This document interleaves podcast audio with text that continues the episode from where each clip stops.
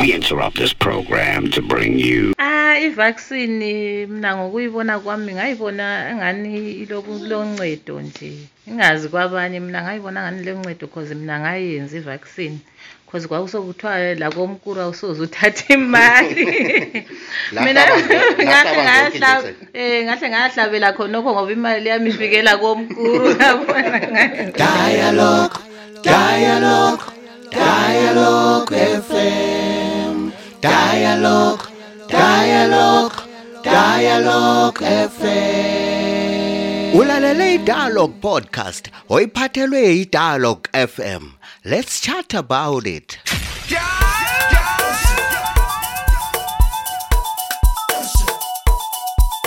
Alo, umadlela lo, nilalile inyazaranda la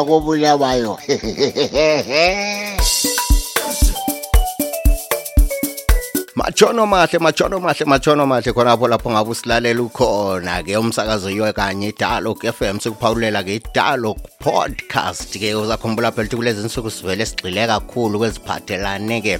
Lo bhubhane lona oluphela umashabu uqe ngikhuluma ke nge-COVID-19 esokuzwakala ke siphendukile. Lo double danisayo kakhulu ke lolana ngoba ke sesiyizwela kwamanye amazwe khona ngale siyethuka ukuthi lathi mhlawumbe kithi ngafika ngapha. So ke ngithetha ithuba ngavakatshela khona ngale ke ephumla east eh arean lika namalayikha ke khona ngale kodwa bafike basincisha itiya angifuni ukukhuluma amangala ngimtshelile. La imtshela ithi ngizamceba ukuthi usicishe itiye. Kwasenani ke khona phana sifike saba le ngxoxo emnandi ke khona ngale lezakhamizi ke eh ezakhona ngale ke Phumla East sixoxa ke ngalo ke udaba ke lwe COVID-19 ezinye zezinto ke eziphume phambili ke kungxoxo yethu ngokuphathelane ke lokho imfundo yabantu bethu abantwana besikolo ke. So ke ku podcast yanamuhla ke sizavela sigxile kilo ke udaba ke lemfundo yabantwana ukuthi kathi i lockdown leyana umona lwana ke waqala esadlula kiyo waphambanisa kangakanani abantu abethu ezikolweni. Kodwa ke singayiphambili ake sizwe ke omunye wabafundi waphambaniseka ezifundweni zakhe ezikhulumela ukuthi yena waphambaniseka ngandlela bani salibonani badala uh mina engikhulumayo ngobuhle. Um mina i-covid yangi-affecta kakhulu izihlobo zami. Uh 2020 ngangu-attachment. So attachment yami angiqedanga ngokufanele it was supposed to be one year full. So ngwacinisa sengisenza eight months. And kuma uma u-eight months lezo sasesihamba kwama-section ama- ama-days um ukuthi umuntu eh maybe kwenye igroup lihamba iviki kwenye igroup lingaka enye iviki ingahambi uhambini of which it was disturbing i- i- i- i-attachment yami ama imisebenzi yami le ngiyifunde and futhi le msebenzini phakathi kwasolama restrictions ukuthi maybe ehofisini samele libe ngu-four kungaba labe li- li- limele lifunde eh, as a group. So kwangi-affect kakhulu futhi kwangi-affecta futhi. So kumele ngiqede eh, eh, the following year so kumele ngiqede i-course yami angiqedanga ngaze ngabhala the, the other following year ukuthi kwangilimaza kakhulu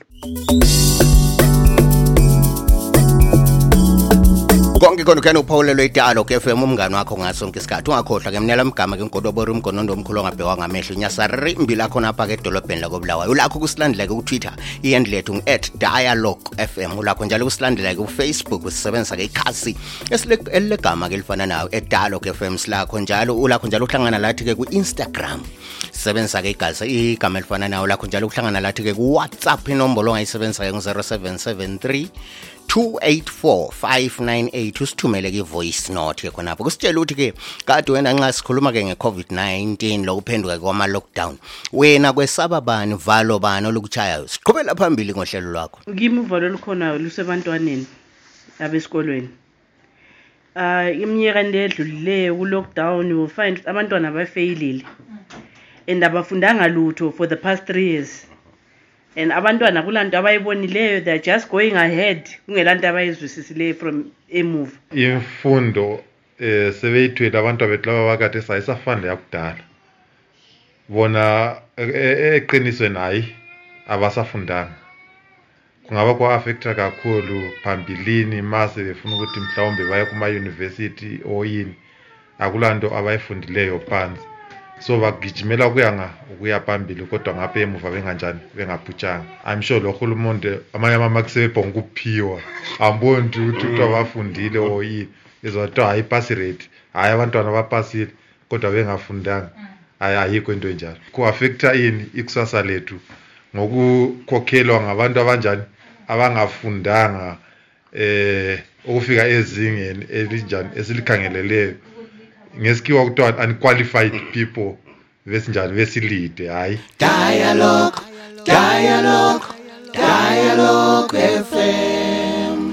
Dialogue, dialogue, dialogue FM. Ulalele iDialogue podcast oyiphathelwe iDialogue FM. Let's chat about it.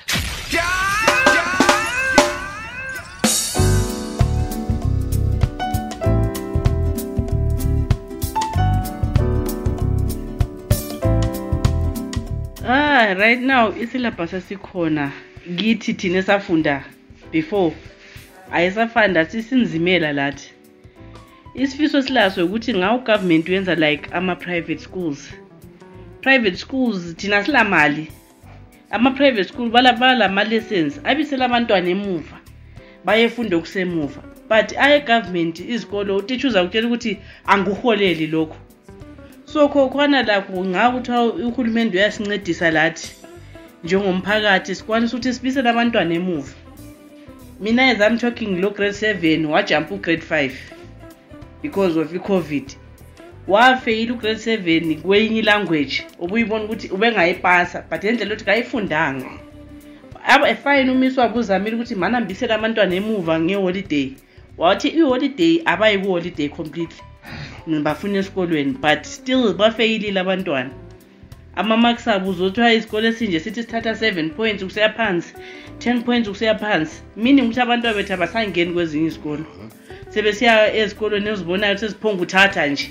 Abantwana kumele bathole i-extra fundo because bathatha isikhathi esiningi bangahambi esikolo so kumele bakave igephu le so ngibona ukuthi kumele kuqhubekele phambili ama-extra lessons ayenziwa vele. Zviri-right kuti ma-extra lessons aitiwa nditi because vana vakanga vasingadzidzi zvakanaka plus vanowana kuti vane vachibatsirika pavanenge vasina kuti vakavhe kuchikoro zovaita kuti vavhurike njere zvakanaka-naka inkinga yama-extra lessons kulaba ababalisi basesikolweni iyi-one laba abangenelisi ukubhadala imali yama-extra lessons abasoze bayithole imfundo esikolweni efana lalaba abaphiwa yama-extra lessons. Yi-disadvantage yona le ematitsheni ngoba utitsha uzafundisa emzini wakhe eyenzela abaningi babe bezobhadala imali kuye.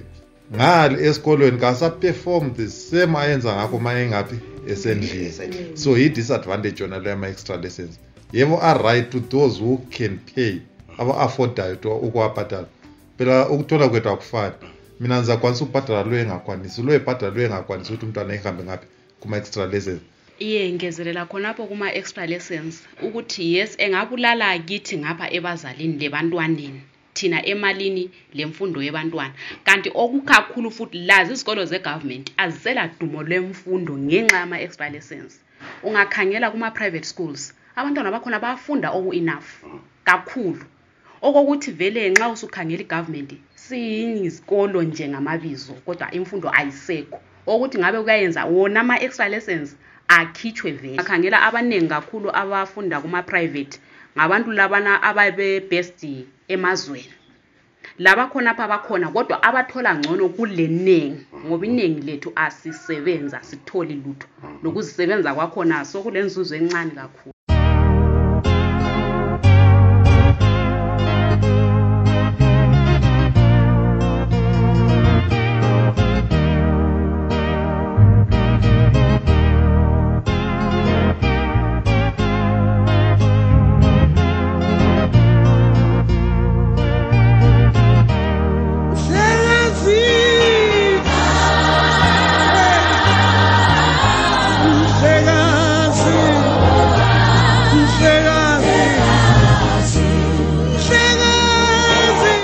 okunye okuphume phambili-ke kungxoxo yethu-ke ludaba-ke olwama-vaccine udaba-ke lwemjovo uzakhumbula ukuthi-ke laphana-ke baningi abantu abalokhu bengakajovwa ngezizathu ezithineyo um kodwa kukhona-ke abanye-ke abathi thina lokhu-ke kuvele kakuhambelani e, mhlawumbe lecawe lakithi yikho singakwenzi abanye bathi mhlawumbe sesabela ukuthi sezwa-ke kuthiwa kulalokhu lalokhuyana uzakhumbula ukuthi-ke owhatsapp phela labasimanga eh base bejumayela amanga mayelana lama vaccine abanye base besizwa amanga ku WhatsApp ayebethusa besaba ukuyahlatshwa. Ake siza ukuthi kade abantu izakhamizi zephumla east.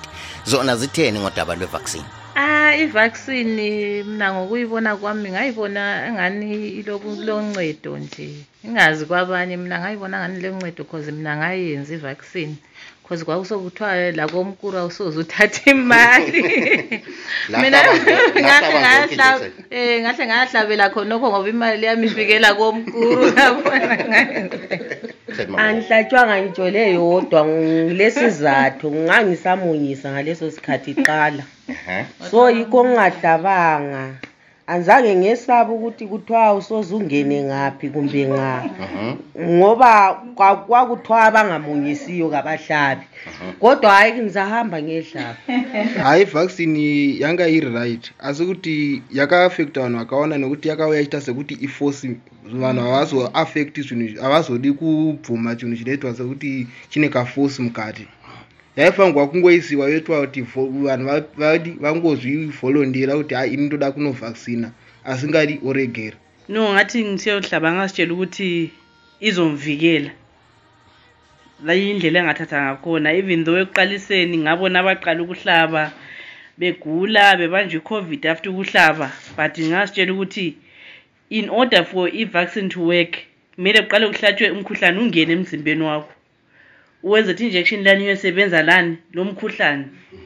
So yikho ngakuzitshela khona ukuthi ngathi mbona labana abahlatshwayo bayegula basila ngalokho-ke sesifike kwangqengetshe-ke ku-podcast yakho yanamhlanje ungakhohlwa-ke lawo lakho kulandela ke amanye ama-podcast ethu-ke um eh, ngafuna ukuthola-ke imininingwane egcweleyo wena ulakho eh, khona ukuxhumana lami-ke ebhokisini kuwhatsapp usebenzisa ku-077 3284598 ulakho njalo kusilandela kutwitter iyendle yethu ngu-at dialog f m. Lakho njalo usilandela kufacebook ikhasi lethu libizwa-ke ngegama elifana nayo dialog f m.